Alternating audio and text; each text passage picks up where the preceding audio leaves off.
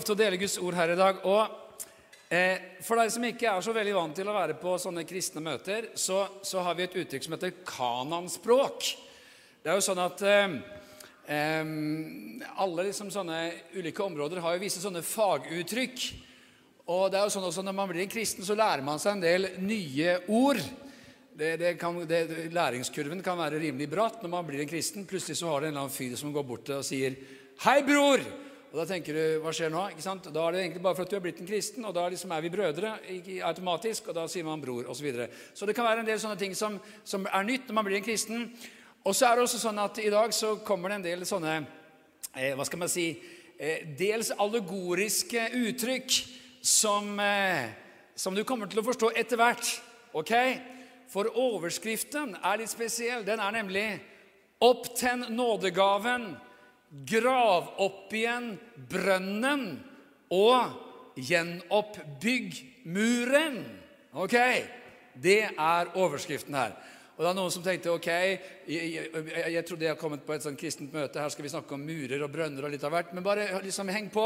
Det kommer til å bli veldig greit, tror jeg. Nå er det litt sånn at eh, dette budskapet her er Og så er vi litt sånn midt inni, egentlig. da, Det er jo liksom ja, noen smitterekorder for ikke så lenge siden i Oslo, og sånt, men vi vet at ting er annerledes. Vi er ikke inne i en lockdown, og glad er vi for det. Vi er så glad for at vi får samles og ha gudstjeneste. Men men samtidig så ser vi jo liksom konsekvensene og alle mulige greier. og det er liksom eh, den ene og den andre som plutselig må inn i karantene igjen. Og så er det liksom barneskoler og ungdomsskoler og videregående skoler og hvem vet hva som opplever altså alle disse greiene med, med Ah, det er mye greier. Det jo, har jo vært mye greier. Ja, Det var bare tre som syntes det, men det, det har vært mye greier. Mens, mens, det jeg skal si noe om, det er litt sånn Det har litt å gjøre med den tiden som ligger bak oss. ok? Så jeg, så jeg, ønsker å få lov til å si noe inn i ditt liv, få si noe inn i menighetens liv, få si noe inn til oss som er her i dag, i forhold til den tiden som ligger bak oss, som et slags sånn bakteppe på det vi nå skal snakke om. Ok, Vi starter med Guds ord i 2. Timoteus kapittel 1 og vers 6. Så leser vi at Paulus skriver til sin sønn i troen, Timoteus, Jeg takker Gud som jeg fra mine forfedre av tjener med en ren samvittighet. Jeg kan få litt mer monitor her og så litt mindre ut hvis noen kan hjelpe meg med det. Når jeg stadig minnes deg i bønnene mine natt og dag, når jeg minnes tårene dine, lengter jeg etter å se deg igjen, så jeg kan bli fylt med glede. For jeg er blitt minnet om din oppriktige tro, den som bodde først i din mormor Louis og i din mor Aunike, og som jeg er viss på også bor i deg. Derfor minner jeg deg om at du igjen opptenner den Guds nådegave som er i deg, ved min håndspåleggelse. For Gud ga oss ikke feighetsånd, men krafts- og kjærlighets- og sindighetsånd. Ok.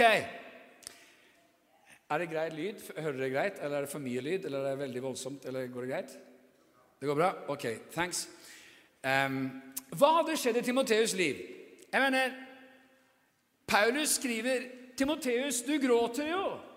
Vi vet ikke hva som hadde skjedd. Men han sier, 'Jeg minnes tårene dine'. Detaljene kjenner vi ikke, men vi skjønner en ting. Det måtte ha vært noen tøffe tak. Noen som har opplevd noen tøffe tak i livet. Det var noen tårer for Timoteus. Livet var krevende. Det var vanskelig. Og Derfor så ser vi at Paulus han ber for Timoteus natt og dag. Åh, Tenk å ha noen som ber for en natt og dag. Ass. Da, da skjønner man dels at Timoteus hadde problemer. Hvis ikke så hadde ikke Paulus apostelen bedt for ham natt og dag. Altså, for han hadde mye å be for, og mange å be for, og mye ansvar. Men han ber for Timoteus natt og dag. Ok? Og han, han minnes hans tårer, står det. Og så leser vi noe annet som er veldig spesielt. Det står nemlig at jeg er blitt minnet om troen din, den som først bodde i din mormor, Louis, og din mor Aunike, og som jeg er viss på også bor i deg. Åh, Den som har en far eller mor eller bestemor eller bestefar som er troende, de er ekstra velsignet. Og vet du hva? Sånne, sånne bønner som bestemødre ber, og bestefedre, og foreldre ber, de er kraftfulle, altså. Amen. Det var så herlig her for et par uker siden. så, så fikk vi treffe bestemoren til en som hadde kommet til tro for noen få dager siden. Eller bare noen få uker siden var det. Og hun bare åh, de bare se inn i øynene på bestemoren og liksom Endelig har han kommet til tro! Wow, hvilken glede! Og du vet, Det som er interessant, er at det, det vi ser her, er at han er gitt en nådegave. Han er liksom gitt noe. Og det interessante er at dette kobles liksom sammen. fordi at troen, den bor også i han. Det har gått fra generasjon til generasjon. Og vet du hva som er en enda bedre nyhet for noen? Det er at den som tenker ja, men hallo, altså, come on, mener, Det er ikke en, ikke en, fyr i min slekt som tror på Gud. Det er ikke en kristen slektning, liksom. Jeg er førstemann ut. Gratulerer. Da kan du begynne et nytt slektledd. Da kan du få lov til å begynne en helt ny generasjon. Og ut ifra deg så kan du få se at barn og barnebarn og barnebarns barn blir troende etterfølgere av Jesus Kristus. Og kan du tenke deg, vet du Ai, ai, ai, ai, ai. Det blir kanskje liksom eh, Mylin, det kan bli, eh, og det kan bli liksom noen, eh, noen, noen, herlige barnebarn og barnebarns barn, hvem vet, altså, langt ned i rekka der, som plutselig sier 'Å, det som skjedde, skjønner du, for 50 år siden, det var at det var et møte, og da ble bestemor frelst', vet du. Og derfor sitter vi her i dag. Og så sitter lille Enok og kikker opp og hilser på og tenker oi, oi, oi, var det det som skjedde? Jeg mener, Du kan starte et nytt slektsledd. Gud velsigne deg for det. Gode nyheter. Men her ser vi at det er en rik åndelig arv for Timoteus. Han visste hva han trodde, han visste hva han hadde fått. Det hadde nemlig gått fra slekt til slekt. Men så sier også Paulus Gud ga oss ikke feighetens sånn. En annen oversettelse sier motløshetens ånd. Åh, motløshet, noe som har kjent på det noen gang? Jeg vet, jeg vet hva motløshetens ånd er, altså. Den kan banke på døra, og den kan gjøre at plutselig så ser ting så håpløst ut, og så vanskelig, og så tungt, og så traurig. Ja, Hallo, Vi må liksom trene opp forsamlingen litt her nå. Vi er, vi er sittet, vet du, det er liksom, Man sier jo ikke så veldig mye amen foran skjermen hjemme. Har lagt merke til det. Vi har liksom et år bak oss med digitale gudstjenester. Og det, det, det kan jo liksom være at hjemme, altså Noen har kanskje sittet der hjemme at liksom Amen, pastor, say it like it is. Come on, brother. Men, men, men, men det har kanskje liksom blitt litt sånn borte fordi at vi har sittet foran skjermer. Eh, jeg har gode nyheter. Vi sitter her live. Ja, vi sitter her. Vi er sammen. Og det vil si at det finnes sånne gode kristne ord som man kan si sånn Amen og halleluja og gloria. Det fins et rikt utvalg, så jeg bare liksom putter det inn innimellom her. Men det vi altså ser her, det er at Paulus han hadde ikke fått, eller Paulus han sier til Timoteus du har ikke fått motløshetens ånd. Det er en ånd, det der. Det er som en sånn seig materie som Og er ikke det interessant? Jeg mener, Hvor fort sånne ting kan skifte i ens liv? Hvor fort du kan bli, gå fra liksom her, 'Livet er herlig, livet er bra, jeg har jo grunn til å være glad'-type sang, til liksom bare komme i mål, komme liksom litt sånn ah, mm. Det kan være en kommentar for et menneske. Hæ? Jeg mener, Du står etter møtet, eller du står på jobben, snakker med folk Så kommer det liksom bare en sånn pil fra en eller annen. Og så Come on, somebody! Noen som har opplevd dette?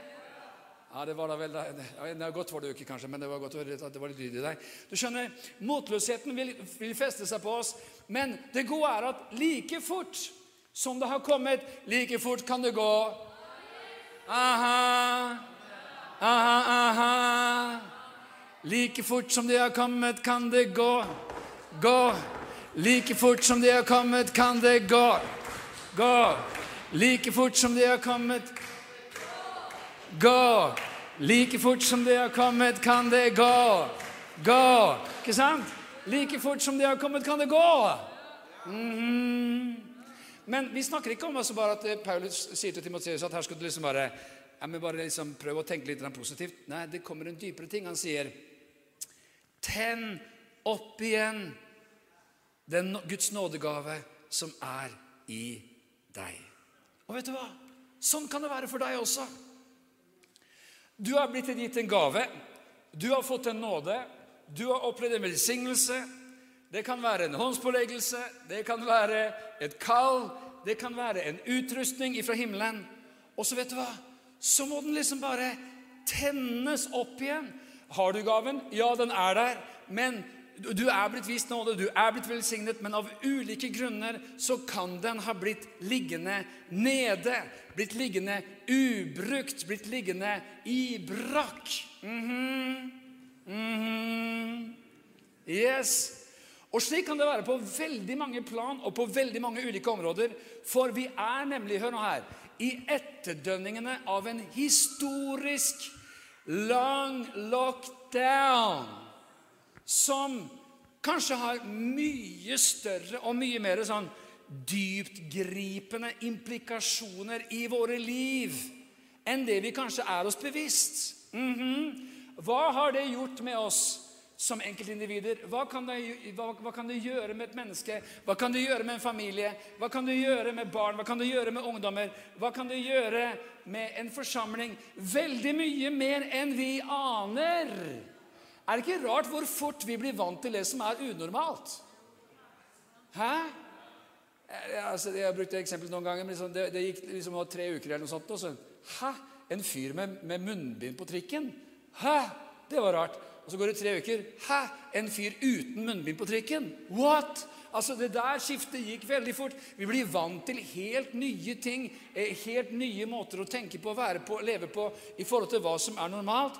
Og det er klart at det, vi, vi, må, vi, må, huske at vi er blitt vant til en sånn ekstremt unormal situasjon i Guds rike. Aha. Jeg mener, gudstjenestelivet har vært på pause, eller forhåpentligvis har det vært digitalt, selv om det aldri kan være en erstatning. Og så snus dagene opp for mange, ikke alle, men mange, med hjemmekontor og hjemmestudier og hjemmeskole og så kan det faktisk være veldig mange ting som rokkes ved. Ikke sant?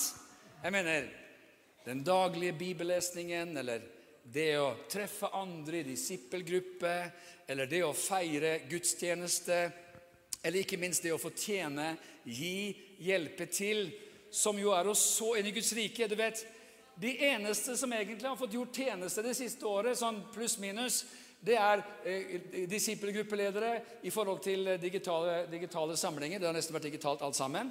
Og det er lovsangerne. Og det er mediateamet og predikantene. That's it. Alt annet har vært på pause. Barne, barne, og selvfølgelig ungdomsarbeid på Zoom osv. Men, men veldig mye av liksom det normale livet har vært på pause. Og så er man jo vant til å tjene, man er vant til å hjelpe til. og det er vant til at På søndager så er det et yrende liv. ikke sant? Det er folk som fikser kaker, det er folk som fikser bevertning, det er folk som jobber med barna, det er folk som hjelper til, det er folk som ønsker velkommen, det er folk som fikser og ordner. Det er jo, det er jo sånn familiegathering hvor liksom når vi kommer sammen, så, så er vi en del av noe. Vi, vi deler noe, vi tjener. Vi, det er så herlig sånn, ikke sant? Mener, hvis du har noen folk som kommer hjem til deg en dag Det er liksom ikke sånn normalt sett. da, Du kan jo ha liksom en veldig veldig god venn som liksom bare pjups, stikker innom, og det er herlig. Men, men, men, hvis du vet at det kommer noen på tirsdag klokka sju, så, så, så, så, liksom Det er jo ikke sånn at du liksom sitter der og klokka sju og ding-dong Hva var det her for noe? igjen? Jeg ringte på døren. Ah, det kommer noen folk, liksom. Og der ligger du i liksom, Du, liksom, kommer ut av dusjen, og du har tatt på deg en treningsdrakt, og, og, du liksom ligger i sofaen, pang, og du har glemt å rydde på kjøkkenet. vet du, Oppvasken fra middagen står utover, og Hallo! Nei, nei, nei, nei. Det er jo helt sånn Ok, ok, ok, vi har gjester, det er folk som kommer. Vi må sørge for at det er fint, det er ryddig, det er greit, det er hyggelig. Eh, bevertningen er på plass. Da, da, da, ikke sant? Og sånn er det også med det å feire gudstjeneste. At liksom Vi er et team, vi er en menighet, en forsamling. Og så kan vi få lov til å hjelpe til og tjene på ulike vis. Det er så rikt! Men det er så mange som ikke har fått gjort det det siste året. Og vet du hva det gjør? Det gjør at det fins en velsignelse som vi misser. Det er saligere å gi enn å få. Det er saligere å tjene enn å ta imot. Det er noe så flott med det å få lov til å gi og tjene. Og hva er poenget her? Jo, det er at vi trenger, vi kan trenge at når alle disse tingene opphører, som er sånne tilførselskanaler inn i vårt liv, så eh, kan man oppleve at det får store konsekvenser for vårt åndelige liv, og kanskje mye større konsekvenser enn du aner. Aha. Aha. Aha. Aha, aha. Så hva trengs da, da? At du opptenner den nådegaven som er i deg. Og vet du hva? Det som er så viktig, at man da ikke trekker seg unna, for nå føler jeg meg ikke helt på topp. Har du hørt sånne tanker noen gang? Jeg kommer farende. Nei, jeg føler meg liksom ikke helt på topp her nå. Jeg føler liksom ikke at mitt åndelige liv er så veldig på gang.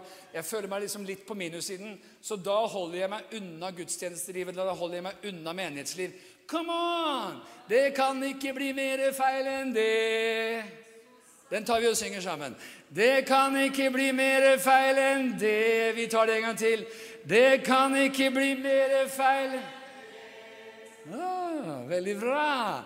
Det er veldig motsatt. Jeg mener, Det blir tilførsel, det blir styrke, det blir velsignelse ved å komme sammen, ved å være med de andre, ved å feire gudstjeneste, ved om så er karre seg til Guds hus. Yes! Om jeg bare liksom kan slepe beina inn av dørene og komme meg på gudstjeneste, så kommer jeg på det plass som Gud har tenkt skulle være et møteplass mellom himmel og jord. Et sted hvor troen skulle strømme. Et sted hvor Guds nærvær skulle møte oss. Et sted hvor lovsangen skulle lyde. Et sted der barn blir velsignet. Et sted der Guds ord går ut. Et sted som er en bolig for Gud i Den hellige ånd. Der Gud selv er til stede. Come on! I wouldn't miss it for the world! Ah, that's another song there. I wouldn't miss it for the world. Anyway. Yeah. ikke sant? Amen. Hør nå her. Menighetsfellesskap er et sted å høre til. Det gir tilførsel av liv. Og troen er ferskvare. Mm -hmm. Og Nå skal vi peke på noe litt interessant, fordi at Romerbrevet 10 sier i vers 17 Så kommer da troen av forkynnelsen som en hører. Er ikke det interessant? Og forkynnelsen som en hører, kommer ved Kristi ord. Som andre ord troen kommer av forkynnelsen. Så hvis jeg ikke får ta til meg av forkynnelsen, så svekkes troen. Så blir troen svakere ja, men jeg tror jo, jeg har jo troen, og på et eller annet vis så fins den der, på et eller annet, men jeg får ikke så veldig mange utslag for livet mitt. Nei, vet du hva? Troen svekkes. Altså, Den beste måten å livnære sin tro på, styrke sin tro på, er å få forkynnelse av Guds ord. Og så vet vi at daglig bibellesning er viktig, men, selvfølgelig, men troen skapes av forkynnelsen. Du styrkes med kraft i ditt indre menneske når Guds ord forkynnes. Amen. Og Derfor så ser vi også i Lukas kapittel 11 at det er en som gjerne vil stjele troen. Mm -hmm. Det fins en som så gjerne vil stjele troen. Og Det står nemlig i vers 11 i Lukas 11. Så sier Jesus en lignelse. Dette er lignelsen. Såkornet er Guds ord. De ved veien er de som hører. Men så kommer djevelen og tar ordet bort fra deres hjerte, for at de ikke skal tro og bli frelst. Mm -hmm. Hva gjør djevelen? Tar bort ordet, såkornet av Guds ord, fra deres hjerte, for at de ikke skal tro og bli frelst. De på steingrunn er de som tar imot ordet med glede når de hører det. Men de har ingen rot, de tror til en tid, men i prøvelsens stund faller de fra. Det som falt blant torner, er de som hører. Mens de vandrer fram, kveles de av bekymringer og rikdom og livets lyst, så de ikke bærer fullmoden frukt. Men det den gode jord er de som hører ordet og tar vare på det i et vakkert og godt hjerte. Får vi versene opp her eh, etter hvert? Og bærer frukt i utholdenhet. Hør nå her. Dette her er høyst reelt. Av og til når vi leser disse versene i Lukas 11, så vet man at akkurat når vi har sett noen babyer her, og, og når, når, et barn blir født, så er det skjørt. Man er aldri så nær som liv og død når man kommer til verden, når man fødes. Og Sånn kan det også være med, med det å komme til tro på Jesus Kristus, at det er skjørt. Man trenger å døpes, man trenger å tillegges menigheten, man trenger å bli med som en disippel av Jesus, man trenger å læres opp i troen osv. Men ofte så tror jeg at når vi leser disse versene, så tenker vi at dette handler om folk som akkurat har kommet til tro. Ikke sant? Djevelen kommer, stjeler ordet, så de ikke skal bære frukt i deres liv. Og så tar han ordet bort fra deres hjerte for at de ikke skal tro og bli frelst. Men vet du hva? Jo lenger jeg har levd, jo mer har jeg sett, og jo mer har jeg forstått, tror jeg, at dette at mennesker får bevare troen gjennom et helt liv, er ingen selvfølge. Det å leve i troen på Jesus, det å bevare troen, det å fortsette som frelst og ende opp som frelst, det er ingen selvfølge. Og det har kanskje vært noe av det underligste og rareste som jeg har sett i mitt liv. Det er en del mennesker som, jeg, som var så inderlig begeistret for Jesus, og som var en del av menighet, og som var en del av liksom, livet i Gud på alle måter. Og som ikke sine villeste drømmer hadde forestilt at fem år eller ti år eller 20 år lenger nede i gata så skulle de ikke følge Jesus. Troen er ferskvare, og troen kommer av forkynnelse. Amen. Så vi skjønner at vi trenger å tenne opp nådegaven. Vi trenger å tenne opp det livet som er på innsiden av oss. Og vi trenger å søke til gudstjenestefellesskap. Det er ikke bare viktig, det er avgjørende for en kristens liv. Kan vi få et amen på det? Amen. Nummer to. Nå skal vi ha litt brønngraving her. Grav opp brønnene og Nå skal vi komme bokstavelig talt til Kanan, så det må jo bli litt kananspråk. For det at Isaks og Abrahams brønner skal vi lese om i første Mosebok, kapittel 26. Så leser jeg vers 12 i Jesu navn. Isak sådde korn der i landet og høstet hundrefold det året, for Herren velsignet ham. Han ble en mektig mann, og rikdommen hans vokste stadig så han til sist ble overmåte rik. Han eide småfe og storfe og hadde mange tjenere, så filistrene ble misunnelige på ham. Og alle brønnene som hans fars tjenere hadde gravd i hans far Abrahams dager, dem kastet filistrene til og fylte dem med jord. Jeg mener, come on! Jeg vet ikke om du har vært i Midtøsten noen gang eller vært i Israel, men hvorfor i alle dager vil noen fylle igjen en brønn som er gravet opp? Hvor det pulserer liv. Gåtefullt. Misunnelse, står det. Det var derfor de gjorde det. Misunnelsen kan få mennesker til å gjøre veldig ulogiske og merkelige ting. Så står det at Abimelek sa til Isak, 'Dra bort fra oss, for du har blitt altfor mektig for oss.' Så dro Isak derfra og slo leir i Gerardalen. Der ble han boende. Og Isak gravde opp igjen de brønnene som de hadde gravd i Abrahams, hans fars dager, og som filistrene hadde kastet til etter Abrahams død, og han ga dem de samme navn som hans far hadde gitt dem. Så hva skjer? Jo, filistrene hadde gravd igjen brønnene. De var der fortsatt. Det var Abraham som hadde gravet dem, men de hadde blitt dekket til av jord og smuss og elendighet. Ikke sant? Men Isak bare bretter opp armene og får dem gravet opp igjen. Og Så ser vi at det i tillegg skjer noe annet, og det er interessant fordi eh, I vers 19 så står det at Isaks tjenere gravde i dalen, og der fant de en kilde med rennende vann. Men gjeterne fra Gerar trettet med Isaks gjeter og sa, 'Vannet hører oss til.' Og han kalte brønnen Esek fordi de trettet med ham. Deretter gravde de en annen brønn. Den trettet de også om, og han kalte den Sitna.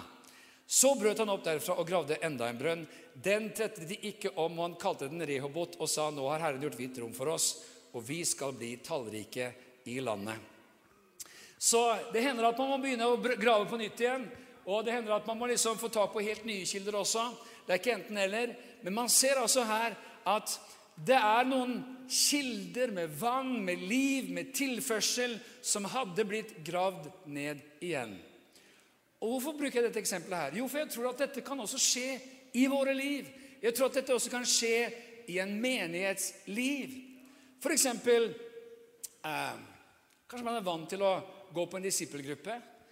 Eh, eller man er vant til i en menighet et eller annet sted å ha et bønnemøte. I Norge så, så har mange bønnemøter blitt lagt ned. For ja, Man har ikke tid til å be mer, har tid, folk har ikke tid til bønnemøter lenger. Vi kutter bønnemøter. Når jeg vokste opp, så hadde alle menigheter bønnemøter. Det var ikke en menighet som ikke hadde bønnemøte. Hadde du en menighet, så hadde du bønnemøte. Sånn var det bare. Og, og Ikke at alle alltid var der, men det var mange som var der. For man skulle be på bønnemøtene. det var klart. Og så har man da lagt ned bønnemøtene. Og det gode er at i vår tid så har, er bønnemøtene i ferd med å få en ny renessanse. Bønnekvelder, lovsangskvelder. Det startes opp igjen både her og der. Det er nye tider. Det beveger seg. Det er godt. Det er velsignet. Amen. Og det er som en sånn brønn som fins i en menighet, og som hvis en menighet har lagt den ned, så må den bare graves opp igjen. Og så fins det en eller annen gammel krok vet, i den menigheten som Ja, jeg husker da og da at vi hadde bønnemøter. Fint! Ta med deg alle venner. Og så får vi alle de unge, og så får vi alle de, de voksne, og så ber generasjonene sammen. Og så kommer bønnemøtet på gang igjen. Altså Som et eksempel på at eh, vi tror på at Gud vil gjenoppgrave brønner som har blitt gravet igjen. Og områdene kan være så mange. Mm -hmm. Så du kan jo tenke litt på ditt eget liv. Er det noen ting, Fins det en brønn i mitt liv? Fins det en slags område som er til inspirasjon, til velsignelse, til styrke, som har blitt på en måte gravet ned og hauget ned med alle mulige ting, så kan du få grave den opp igjen. Jeg husker eh, en eller annen velsignet dugnad som vi hadde et sted. Eh, dugnad, vet du, et fint norsk ord. Eh, og, og et, et, et, en, en, gammel gård vi, eller et gammelt sted som vi skulle få lov til å hjelpe litt til. Og så, var det eh, så skulle jeg, så det, han, Eieren hadde noen mistanke om at Jeg lurer på om det kanskje en eller annen gang i tiden har vært noen heller her i hagen. Og så eh, fikk jeg i oppdrag å, å, se litt på det. Det var ikke en helle å se på det området. Ikke en helle å se. Og så begynner jeg liksom å hakke litt med et lite spett, litt så forsiktig, og gå rundt, og så kommer jeg liksom igjennom et sånt jordlag som kanskje var omtrent så tykt, og med, med masse gress og masse greier. Og så fikk jeg laget en flinge, og så rev jeg opp, og så så jeg helle nummer én. Og så begynte jeg å rive til litt til, og så viste det seg at under dette jordlaget så var det bare et helt kjempefint område med gamle, vakre heller. Som hadde ligget der hele tiden, men som hadde blitt grodd igjen. Det hadde blitt gjengrodd. Og vet du hva?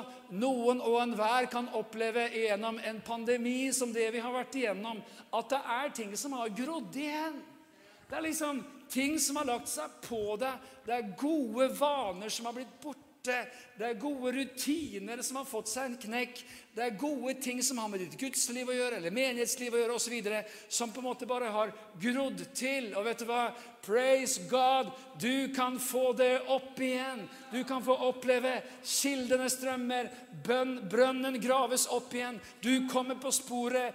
Gud er med deg. Han fyller deg. Han ser i nåde til deg. Han velsigner deg. He loves you. Han syns du er fantastisk. Ja, men det skulle vi hatt et bra amen på, altså. Come on! Om det var noen ting vi skulle ha et bra amen på, så var det at Gud syns du er fantastisk. Wow, I'm working hard this morning. Gud syns du er fantastisk. Amen. Det var oppløftende. Takk. Til sist vi kan også oppleve Jeg må nevne det også med, før vi går videre med, med det vi leste her. da. Det står også at Legg merke til hvordan dette avsnittet i Bibelen begynte. Det står at Isak sådde i et uår, og han høstet hundrefold. Det syns jeg er herlig. Og det verset har jeg liksom tygd litt på og kost meg litt med. Hvorfor det? For om noen ting noen gang kan kalles et uår i vår tid, i moderne tid, så er det det siste året. Det har vært et uår. Men i uåret sår Isak og høster hundrefold. Amen. Amen. Halleluja. Hør nå her. Dårlige omstendigheter er ikke et hinder for Herrens velsignelse. Så til sist bygg opp igjen muren. Du er klar for litt til, er du ikke det? Den siste runden her nå. Du er klar for å liksom få det siste inn, er du ikke det? Jeg ser det på deg. Jeg ser det på deg. Det er bra. Du skjønner, israelsfolket de kommer tilbake til, eh, til eh, Jerusalem og til Israel etter en 70 års lockdown. Kind of. Babylonisk fangenskap. En heftig lockdown, altså, for når de kommer tilbake igjen og ser liksom Davidsbyen, Salomos by, Hiskias by, Josias by Denne nydelige, flotte Jerusalem med sitt skinnende tempel, et av verdens syv underverker. Den vakre byen Jerusalem med sine palasser, en strålende, vakker by. Så er det bare ruiner. Bare ruiner. Det er liksom, det, Hele Jerusalem er en ruinhaug. Ikke sant? Det er ganske heftig, altså. Og så røres eh, eh hjerte, og de bestemmer seg for å gjenreise Jerusalem. Og de må starte med å få, de må, de må bygge tempelet opp igjen, og de må også bygge opp de nedrevne murene. Jeg mener, I den tiden en by med nedrevne murer, det var en farlig by. En by med nedrevne murer, det var en by som som hvor, hva som helst kunne skje. Da hadde man ikke noe forsvar for fienden. Man hadde ingen beskyttelse. Man hadde ingen trygghet. En by med nedrevne murer, det var en utrygg by. Derfor var det imperativt at denne byen ble reist opp igjen, og murene ble gjenoppbygget. Og Nå skal vi lese et interessant avsnitt fra Nehemia kapittel 4 og vers 1.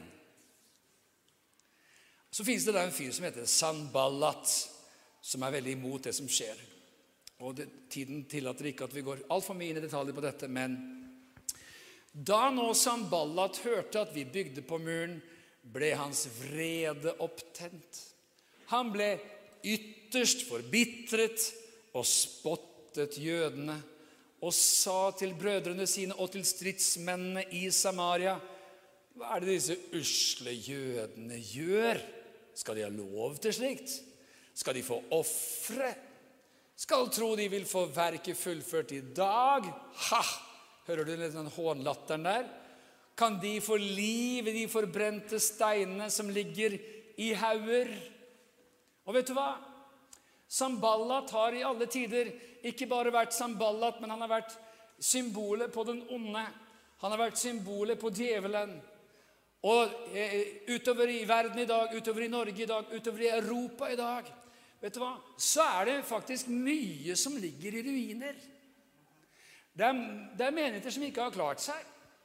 Det er pastorer rundt omkring som ikke har fortsatt i jobben sin. Det er, det er, vi har snakket med, med, med ledere fra, fra, bevegelser, kristne samfunn rundt omkring i verden, hvor flere hundre pastorer har blitt begravet i korona. Kan du tenke deg? Jeg mener, En sånn nød som mange har opplevd i nasjonene, og også så langt unna den, den, den, unike situasjonen vi har i Norge. Det eneste landet med flere døde i, i Europa enn i Norge, det er Malta. Og Malta har 350 000 innbyggere. eller noe sånt. Altså, Norge har blitt spart noe helt utrolig. Men vet du hva? Det er en sånn utrolig spesiell tid i verden nå, og veldig mange opplever at Samballat han sier Ha! Ok, ja. Nå skal dere få fart på greiene, ja. Akkurat, ja. Ja, akkurat, ja. Nå skal dere få bygge opp disse menighetene igjen. Ja, akkurat, ja. Ja, Du får se om de kommer tilbake. Får se om folk kommer på gudstjeneste igjen. Det har jo vært, det har ikke vært gudstjeneste på lange tider. Vet du hva? Mange land i Europa har ikke hatt det, har første gudstjenesten i disse dager siden mars i fjor.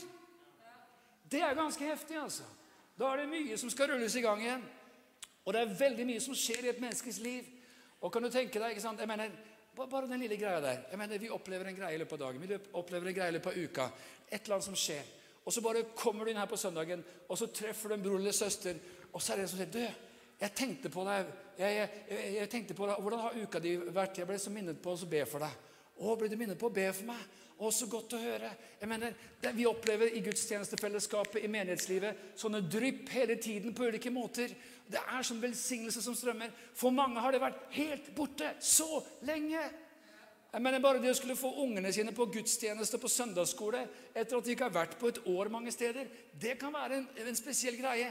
Om et år er lenge i en voksens liv, så er det en halv evighet. Dårlig uttrykk i og for seg, men det er veldig lenge for et barn. Ok? Samballat sier, 'Ha, det spørs om det blir noe av det greiene her.' Skal tro det om de får verket fullført, kan de få livet de forbrente steinene som ligger i hauger. Og ammonitten Tobias, vers 3, som sto ved siden av ham, sa, La dem bygge så mye de vil. Bare en rev hopper opp på steinmuren deres, så vil han rive den ned.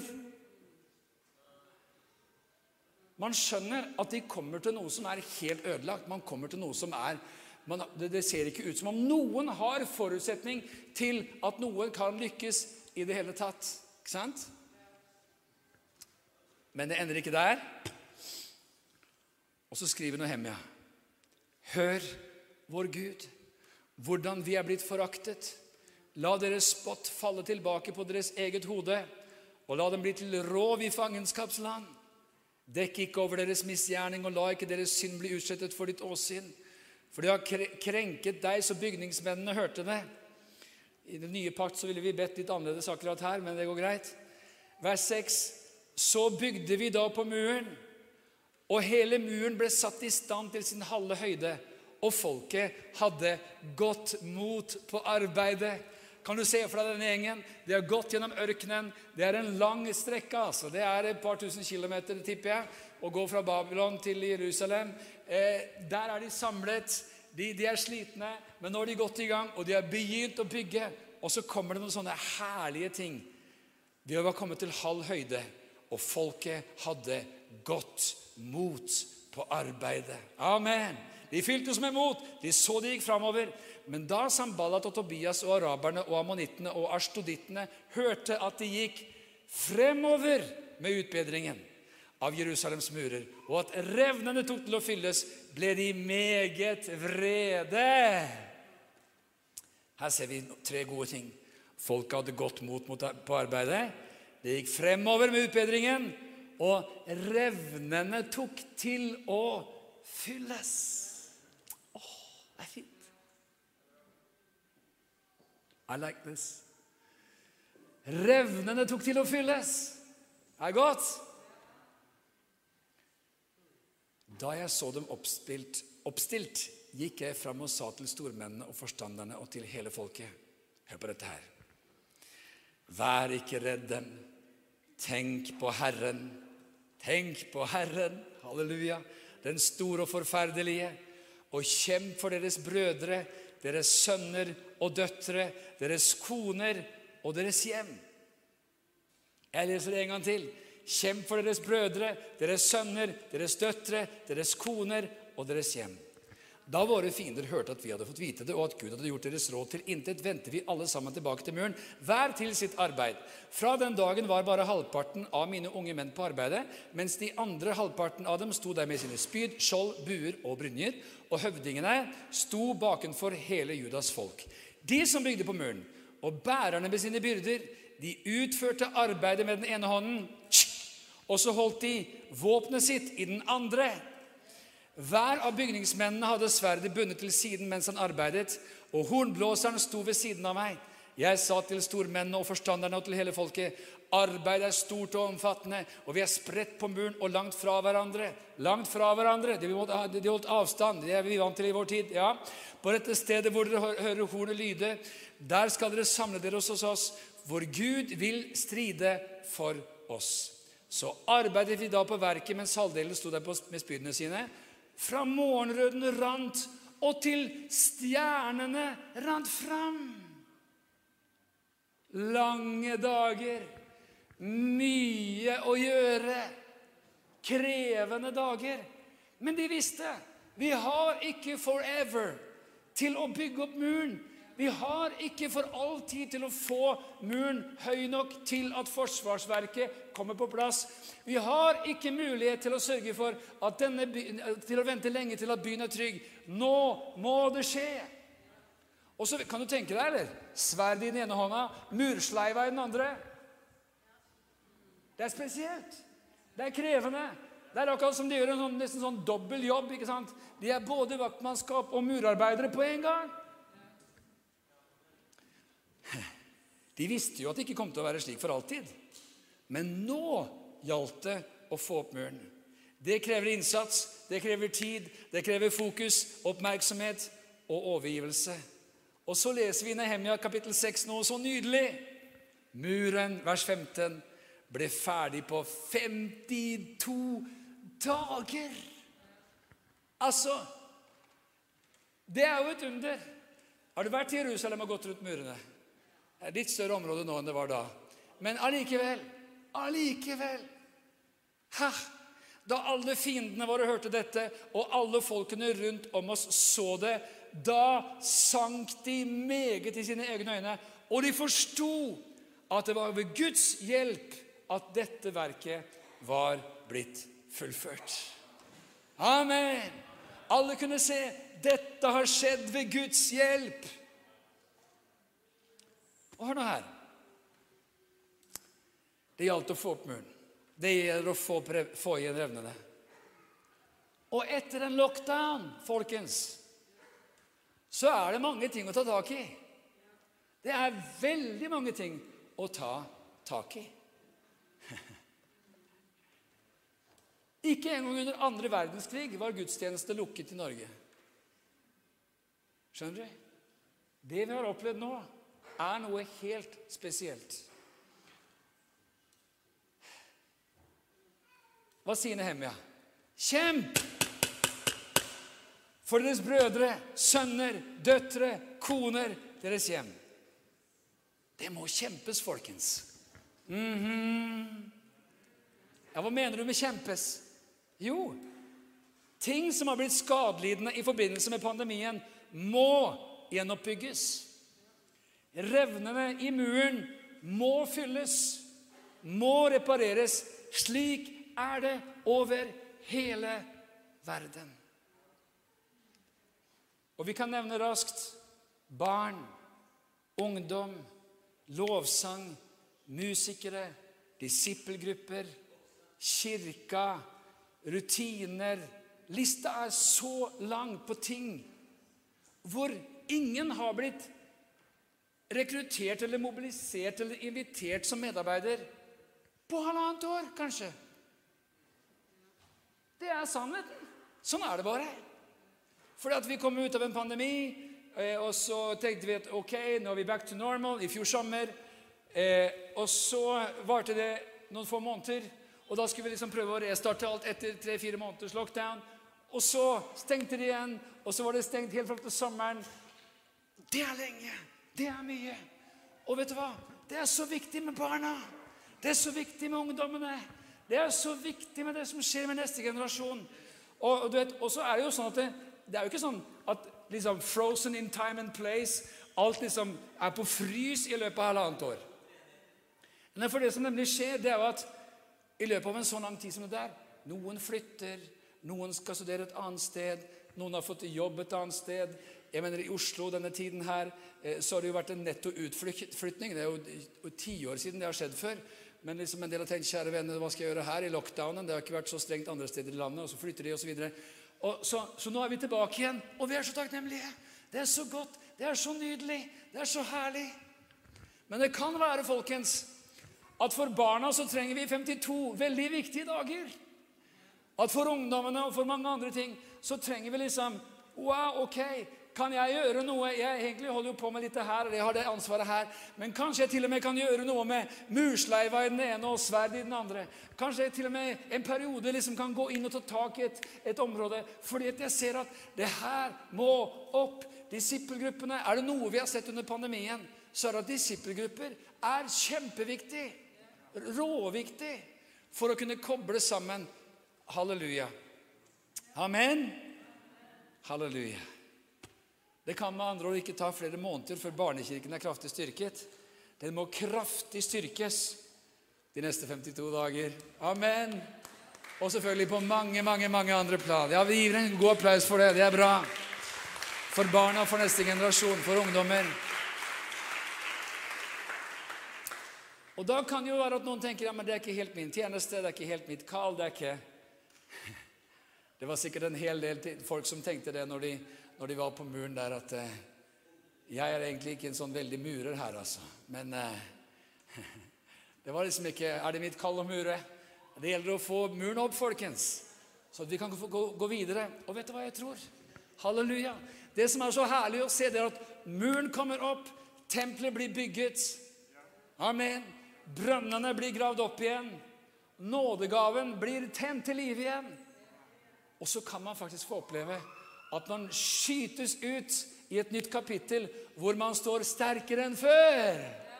Amen! Det er mulig. Skal vi stå opp, alle sammen? Jesaja, 78, nei, Jesaja 58 sier 'sønner av deg' skal bygge opp igjen ruinene fra gammel tid. Grunnvoller som har ligget der fra slekt til slekt, skal du gjenreise. Og, hans, og de skal kalle deg den som murer igjen murbrudd og setter veier i stand, så folk kan bo i landet. Bare tenk på dette her et lite øyeblikk når vi ber sammen. Vi har sett på tre dimensjoner. Nådegaver som trengs å tennes opp i ditt liv ting som kanskje har liksom blitt liggende nede i ditt liv. Men vi snakker også om åndelige kilder som har kunnet bli, bli dynget ned, og som trenger å, å bli gravd fram igjen. Og så snakker vi om hvordan Gud trenger å la oss få tennes i brann for å, for å bygge hans menighet. Amen. Bygge hans forsamling.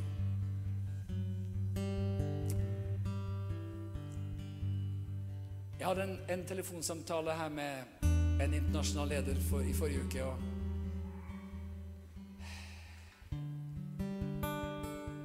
han, han, var så interessant å snakke med. Han, han sa at i vårt land så ser vi to ting når vi kommer ut av pandemien. Det ene er apati. Og det andre det er det motsatte. Det er at folk har en lengsel etter Gud og en lengsel etter å tjene og en lengsel etter å få lov til å være med. De er veldig forskjellige. Men vet du, uansett hva noe menneske har gått igjennom, uansett hva noe menneske har holdt på med de siste uker, måneder eller år, er Guds nåde så stor. Han ser deg. Han elsker deg. Amen. Han har en plan og hensikt for ditt liv. Og nå tar vi en liten stund her og så bare ber vi sammen. Og kan ikke jeg be deg om at du bare legger hånden din på hjertet ditt et lite øyeblikk? Og så ber vi og sier, Herre Jesus Kristus, tenn opp igjen nådegaver. Herre Jesus Kristus, takk for det du har gitt meg. Takk for det du har betrodd meg. Takk for Den hellige ånd som du har gitt meg. Takk for nådegaver som du har gitt meg. Jeg tenner det opp igjen. Det skal få brenne. Det skal få flyte. Det skal få strømme som aldri før. Takk, Herre Jesus, at brønner som har blitt gravet ned, som har blitt smusset til, skal graves opp igjen. Og takk, Herre, for at murer som er blitt revet ned, skal få bli gjenreist og skal stå sterkt. Ja, sterkere enn noen gang før. Det priser vi deg for. I Jesu navn.